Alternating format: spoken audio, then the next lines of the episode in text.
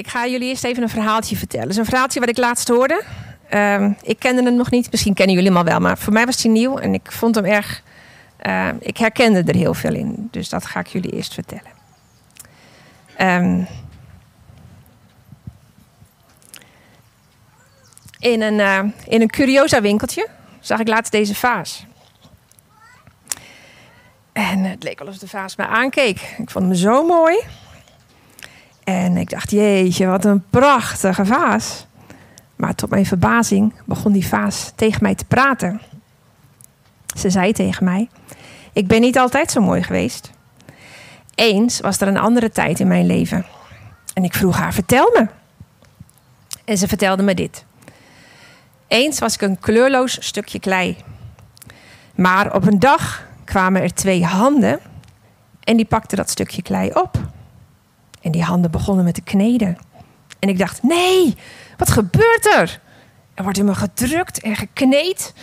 En elk hard korreltje uit mij werd eruit gehaald. Deed zeer. En ik zei tegen degene van wie de handen waren: Stop daarmee, dat doet pijn. Ik vind dit niet leuk. Maar na verloop van tijd werd ik zachter en kneedbaarder. Het voelde lekker. En zomaar uit het niets pakte die handen me op en smeten me op een draaischijf. En die draaischijf begon te draaien. En eerst dacht ik nog, oh, oh, oh, wat gebeurt er? Maar na verloop van tijd werd het echt superleuk. Ik genoot ervan dat ik zo ronddraaide. En toen kwamen die twee grote handen en die sloten zich om mij heen. En die handen drukten. En zo kwam ik centraal te staan op die grote draaischijf. Ik voelde me veilig en geborgen met die prachtige grote handen om me heen. Ik genoot ervan. Maar plotseling kwam hij met zijn duimen diep in me. En ik zei: Wat doet u nou? Wat is dit? Nee, nee, nee, niet doen. Auw, dat doet pijn. Stop daarmee. En toen zag ik zijn ogen. Die glimlachten. En hij zei niets. Hij ging gewoon door met zijn werk. Drukte zijn duimen nog dieper in me. En op een gegeven moment trok hij me omhoog. En ik zag bij mezelf: hé, hey, ik krijg een andere vorm. Ik word groter en wijder. En plotseling stopte de draaischijf. Hij haalde me eraf. En in zijn hand nam hij een spijker. En in mijn bodem schreef hij, mijn, schreef hij zijn naam. En toen zette hij me weg op een plank tussen allerlei andere meesterstukken. En daar stond ik. Ik keek om me heen en ik zag allerlei prachtige meesterstukken staan. Daar stond de vaas. Eén dag, twee dagen, drie dagen. En toen dacht de vaas: Hij is me vergeten. Hij ziet me niet meer. Waar is hij dan? Zou hij ook al die andere meesterstukken vergeten zijn? Op een dag zag de vaas hem aan haar voorbij gaan. En ze riep naar hem: Hallo, hallo, ziet u mij wel? Ziet u mij wel? Ziet u mij wel staan? Of bent u mij vergeten? Maar hij keek, glimlachte en hij liep weer verder. Oh, zei de vaas.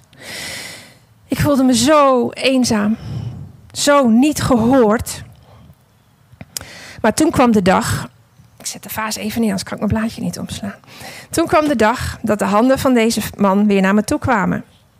Hij pakte me op en hij beklopte me aan alle kanten. Mm -mm. En hij bekeek me met een goedkeurende blik. En toen nam hij me op naar een vertrek. Oh, het was dus zo behagelijk warm. Maar totaal onverwacht opende hij een deur van een grote oven. En hij zette me midden in die ontzettend hete oven. En ik zei: Auw, auw, stop ermee, dat kan niet. Maar hij deed het deurtje dicht. En daar stond ik midden in de vlammen. En ik dacht: Oh, dat houd ik niet uit. Straks barst ik nog. En ik riep vanuit het vuur. En hij keek door het raampje van de oven. Hij glimlachte en hij liep weer verder. En op het moment dat ik dacht, ik kan niet meer, werd het minder warm. Het deurtje ging weer open en hij haalde me eruit. Oh, wat een verkoeling. En hij zette me weer op een plank. En ik dacht, oh, heerlijk, even afkoelen. de volgende dag kwam hij weer naar me toe. En hij pakte me op en hij had een penseel bij zich. En hij doopte dat penseel in een vloeibaar goedje. En hij begon daarmee zorgvuldig elk stukje van mij te beschilderen. Het kietelde. Ik werd er blij van. Ik moest er gewoon van lachen, zei de vaas. Het was gewoon fantastisch. Hij was zo dichtbij en hij bekeek echt elk stukje van me. Ik voelde me zo geliefd. En toen het klaar was, pakte hij me op. En hij liep met me in zijn handen weer naar die kamer waar het zo warm was. En ik dacht, nee, nee, nee, nee, nee, nee, dit kan niet waar zijn. Dit kan niet waar zijn. Hij gaat me toch niet weer in die oven zetten? En ik riep nog, nee, nee, nee, nee, niet doen. Maar hij ging gewoon door en hij stopte me in de oven. Oh, het was zo heet. En het goedje op me, dat werd helemaal vloeibaar. En ik dacht, dit ga ik niet redden. En ik schreeuwde opnieuw naar hem. Waarom doet u dit? Waarom doet u dit? Waarom laat u mij hier in deze vlammen staan? En hij keek door het raampje. Hij glimlachte. En hij liep weer weg. Toen de vlammen weer minder werden, nam hij me weer uit de oven. En hij zette me neer. Zo. Kijk, zo, midden op de tafel.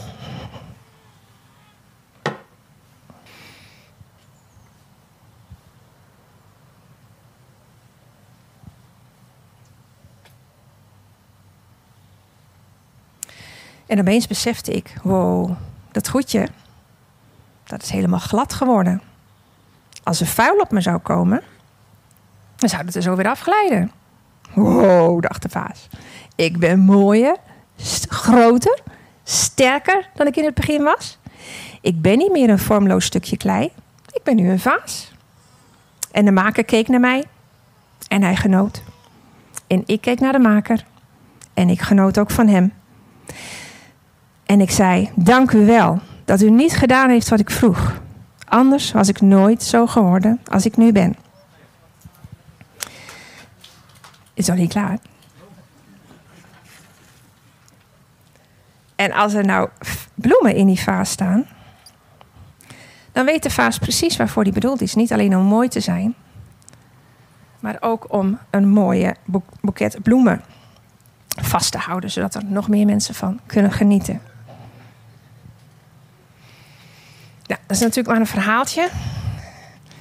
Wordt dadelijk wel meer duidelijk waarom, waarom dit verhaaltje mij, uh, mij aansprak. Ken je dat gevoel? Dat gevoel van totale verlatenheid. Dat niemand, dat je het gevoel hebt dat niemand meer van je houdt. Dat God zelfs niet meer van je houdt. Dat alles donker om je heen is. En dat je je compleet waardevol, waardeloos voelt. Zo neerslachtig en depressief. Zo voelde ik mij eerder dit jaar. Het sloopte langzaam in. Mensen die onaardige dingen tegen me zeiden, wat me erg aan het wankelen bracht, waar ik onzeker van werd. Waardoor ik ging twijfelen aan mezelf. Gebeurtenissen waardoor ik verdrietig werd, zoals het overlijden van mijn vader, maar ook andere dingen. Er kwamen steeds vaker en steeds meer gedachten in mijn hoofd die me onzeker maakten en die me een vervelend gevoel gaven. Gedachten die ik langzamerhand ging geloven en die zich steeds steviger vasthaakten en waar ik me door, waardoor ik me steeds slechter ging, ging voelen. Negatieve gedachten in combinatie met lichamelijke klachten en depressieve gevoelens. Het een versterkte het ander, waardoor ik in een neerwaartse spiraal terecht kwam en waarvan ik niet meer wist hoe ik daaruit moest komen. En het lukte niet om die neerwaartse spiraal te doorbreken. En al die tijd speelde dat bijna volledig in mijn hoofd af en praat ik er met bijna niemand over. In ieder geval, ik liet niet het achterste van mijn tong zien. God wist wel hoe het met me ging. Ik bad en ik smeekte. Ik las in de Bijbel. Ik luisterde naar, preken. Maar er veranderde helemaal niets. Mijn dag begon meestal met uh, huilbuien op de rand van mijn bed. En uh, waarbij het veel moeite kostte om op gang te komen, opstaan. Was uh, aankleden, ontbijten, doen wat ik moest doen. Alles kostte moeite. En ik kon me maar met heel veel moeite ergens toe zetten. Ik bad tot God, maar er veranderde niets. En het leek alsof hij me niet hoorde. Af en toe schreeuwde ik het wanhopig uit naar God. Help me toch, help me toch. Maar het bleef stil, helemaal stil. God zweeg en bleef zwijgen. Het leek alsof hij me niet zag, alsof hij me niet hoorde en of hij me compleet verlaten had. Hij keek naar me, glimlachte en hij liep weer verder. De Bijbel staat vol met verhalen waarin God je te hulp komt als je hem daarom vraagt. En mensen vertellen me al te graag hoe God reageerde op hun hulpgeroep. Zoals in Psalm 17, vers 6 en 7, waar staat: Ik roep tot u om hulp, want u geeft mij antwoord. Wil mij horen, God, luister naar mijn spreken. Toon mij de wonderen van uw trouw. Wie bij u schuilen, red u van hun tegenstanders met uw machtige hand. Of een van mijn favoriete teksten, Psalm 121. Ik sla mijn ogen op naar de bergen, van waar mijn hulp komen zal. Mijn hulp is van de Heere, die hemel en aarde gemaakt heeft. Hij zal uw voet niet laten wankelen. Uw bewaarder zal niet sluimeren. Zie, de bewaarder van Israël zal niet sluimeren of slapen. De Heere is uw bewaarder. De Heere is uw schaduw aan uw rechterhand. De zon zal u overdag niet steken, de maan niet in de nacht. De Heere zal u bewaren voor alle kwaad. Uw ziel zal hij bewaren.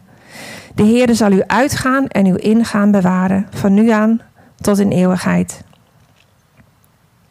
Maar verhalen waarin God zwijgt als je hem tot hulp roept, hoorde ik niet en herinnerde ik me ook niet op dat moment.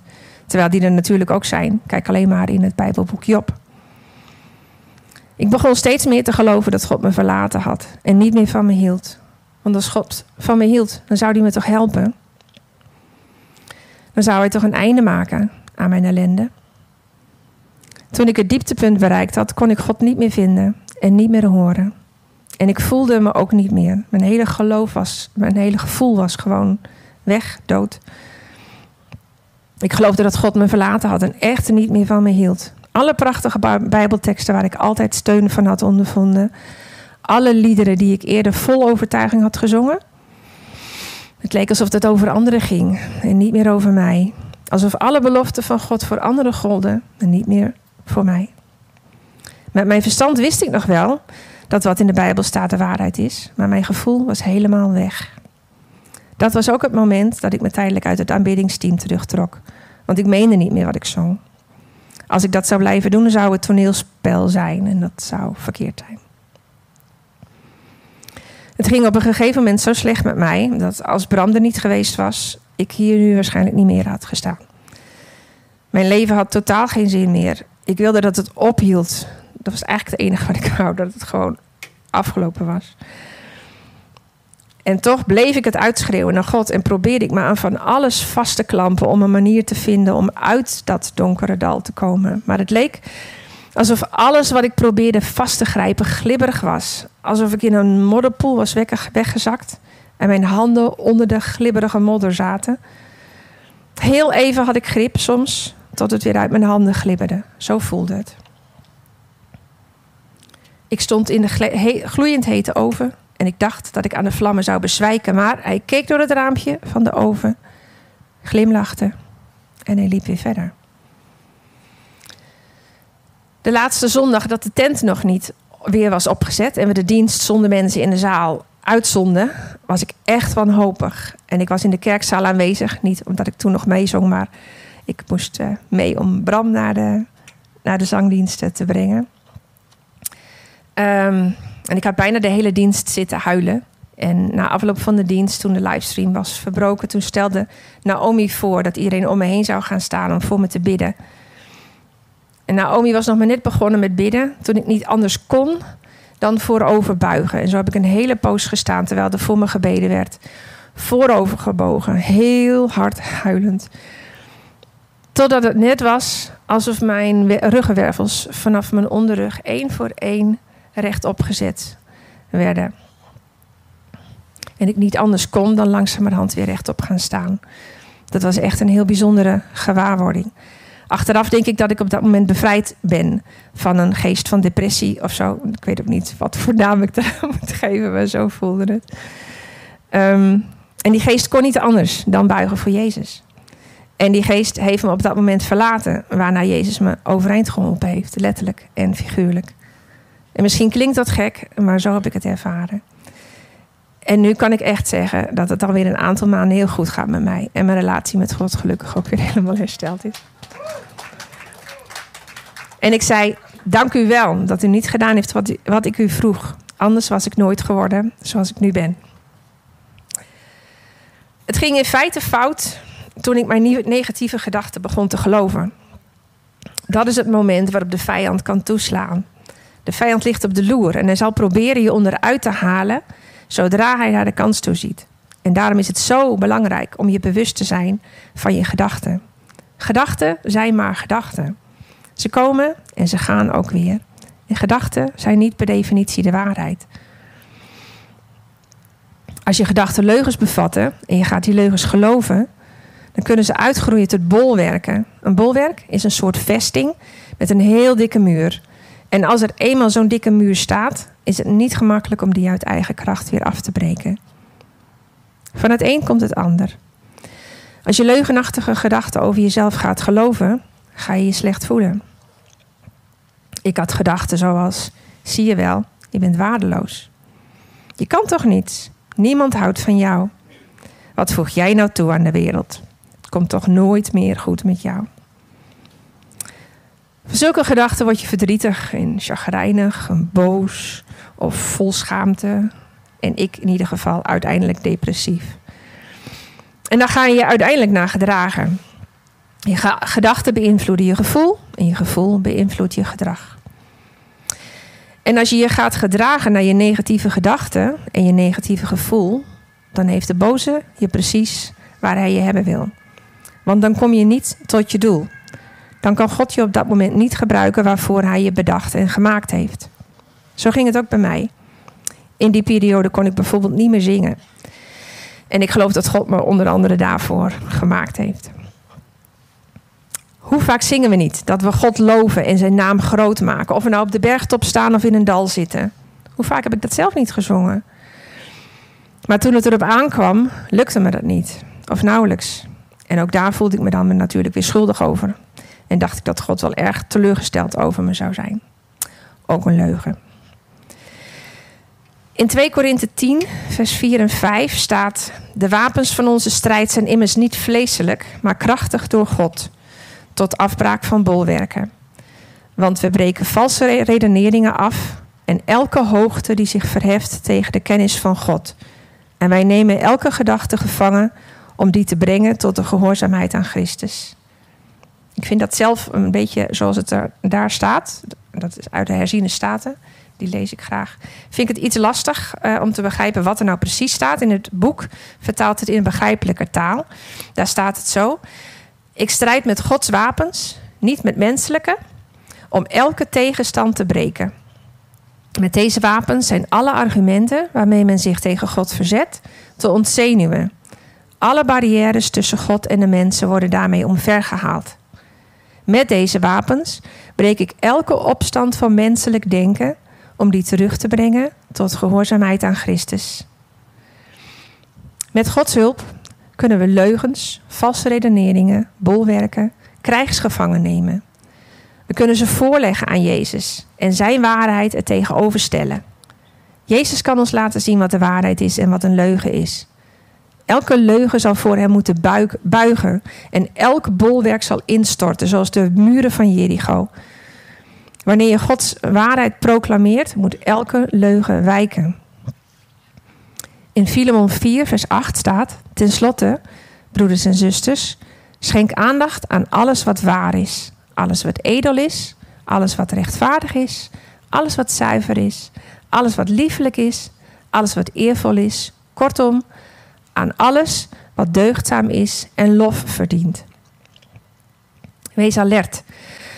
Laat leugenachtige gedachten niet uitgroeien tot bolwerken of wortels schieten en uitgroeien tot woekerend onkruid.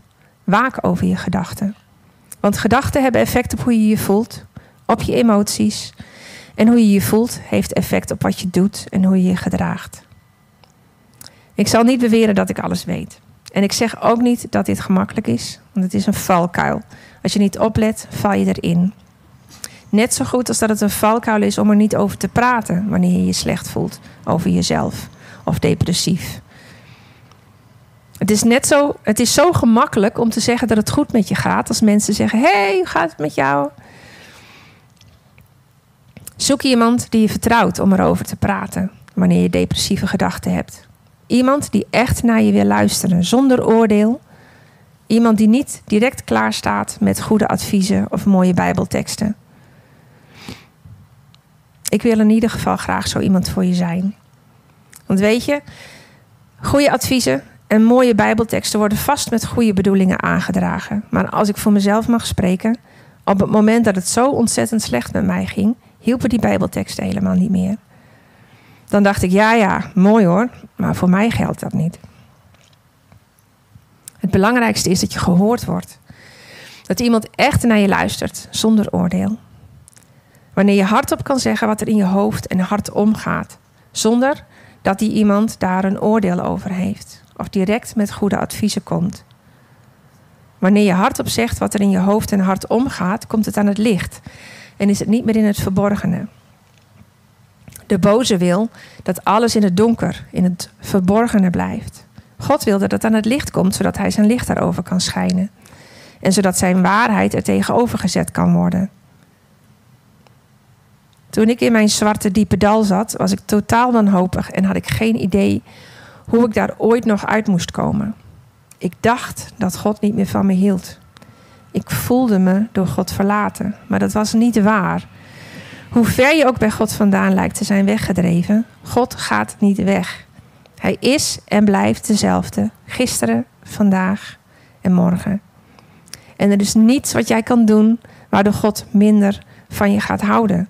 Of waardoor hij niet meer van je houdt. Daar staat tegenover dat je ook niets kan doen waardoor God meer van je gaat houden. Zijn liefde is onveranderlijk en voor iedereen evenveel. Toen ik was afgedreven, al die tijd was hij er wel. Bleef hij van me houden, bleef hij me vasthouden. Ook al merkte ik daar niks van. En ook al glipte mijn hand steeds los, hij bleef me vasthouden. Ook al voelde ik dat niet en ook al merkte ik daar niks van. Bram, ik heb jou even nodig, want ik wil je even wat laten zien. Ik zag in die periode een, ehm, een uitzending uh, van EO Beam. Um, waarin uh, David de Vos uh, liet zien um, wat, het verschil, wat, wat waarschijnlijk het verschil is in hoe wij nu elkaar een hand geven en vasthouden. En hoe het waarschijnlijk in de tijd van Jezus was dat mensen elkaar vasthielden. En dat was, dat was een beeld wat mij heel erg hielp.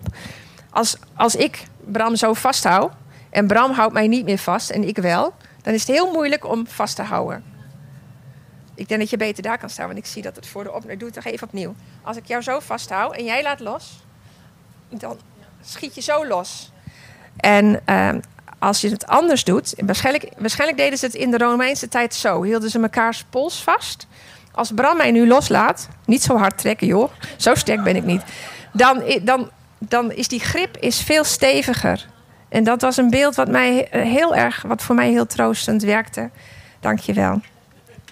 Bram is mijn man, voor de mensen die dat niet weten. Dus ik mag, ik mag Bram een hand geven. Um,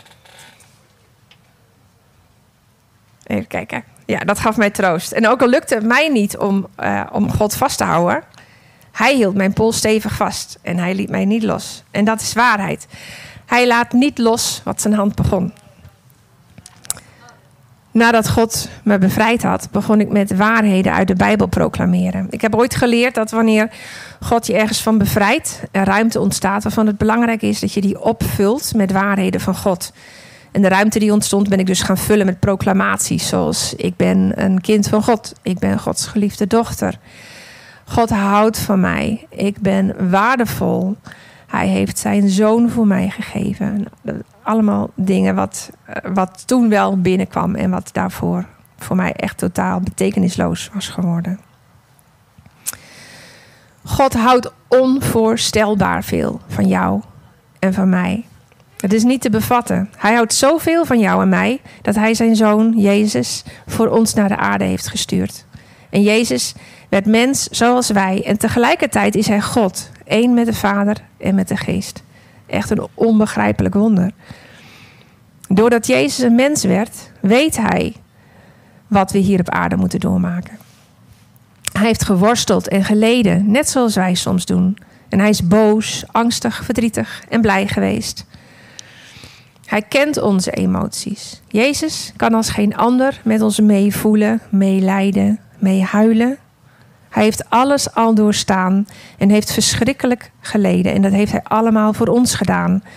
Hij wil dat we alles aan hem geven. In 1 Petrus 5, vers 7 staat: Werp al uw zorgen op hem, want hij zorgt voor u. Welke last je ook meedraagt, je mag die van je rug laten glijden. En op de bebloede rug van Jezus gooien. Niet voorzichtig neerleggen of vragen of dat mag. Nee, er staat: werp al je zorgen op hem. Hij zorgt voor jou. Net als dat hij ook voor mij zorgt. En God is te vertrouwen. Hij weet wat hij doet. Hij laat je niet los. En dit is wat ik je graag wil meegeven en waar ik je mee wil bemoedigen. Blijf aankloppen bij God. Want hij hoort je wel en hij ziet je wel. Ook al lijkt het soms alsof dat niet zo is. Hij kijkt naar je en hij glimlacht en hij haalt je eruit als hij vindt dat daar de tijd voor gekomen is. Hou vol, geef niet op. Ken je dat verhaal uit Lucas 18 over de onrechtvaardige rechter?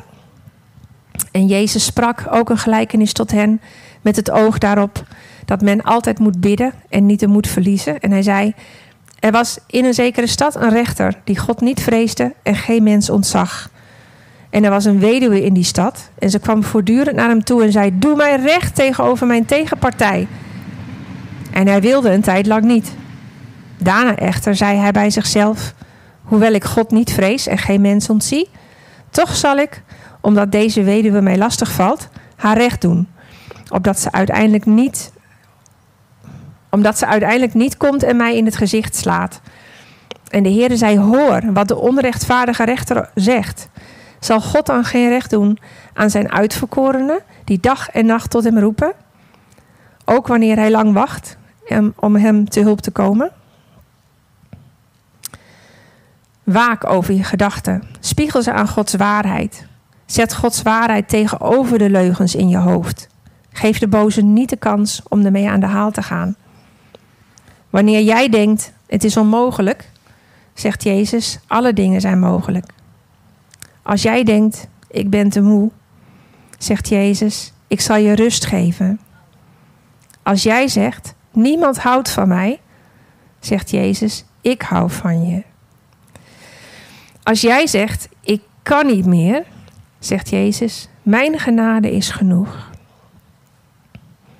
Als jij zegt, ik kom er niet meer uit, dan zegt Jezus, ik zal je leiden. Als jij zegt, ik kan het niet, zegt Jezus, je bent tot alles in staat. Als jij zegt, ik ben niet bekwaam, zegt Jezus, ik ben bekwaam. Als jij zegt, het is de moeite niet waard, zegt Jezus, het zal de moeite waard zijn. Als jij zegt, ik kan mezelf niet vergeven, zegt Jezus, ik vergeef je. Als jij zegt, ik red het niet, zegt Jezus, ik zal in al je behoeften voorzien.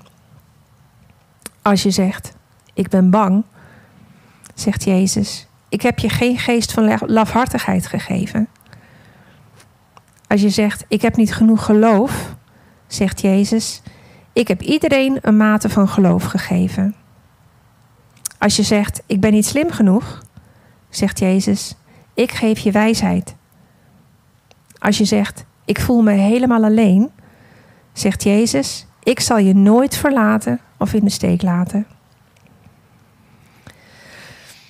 Ga met iemand praten die je vertrouwt als je met negatieve of depressieve gedachten rondloopt. Het is niet nodig om je ervoor te schamen. Je bent echt niet de enige. En zo hoop en bid ik dat kom en zie een veilige plek is waar je terecht kan. Met je moeite, je verdriet, je twijfels, met je gebrokenheid.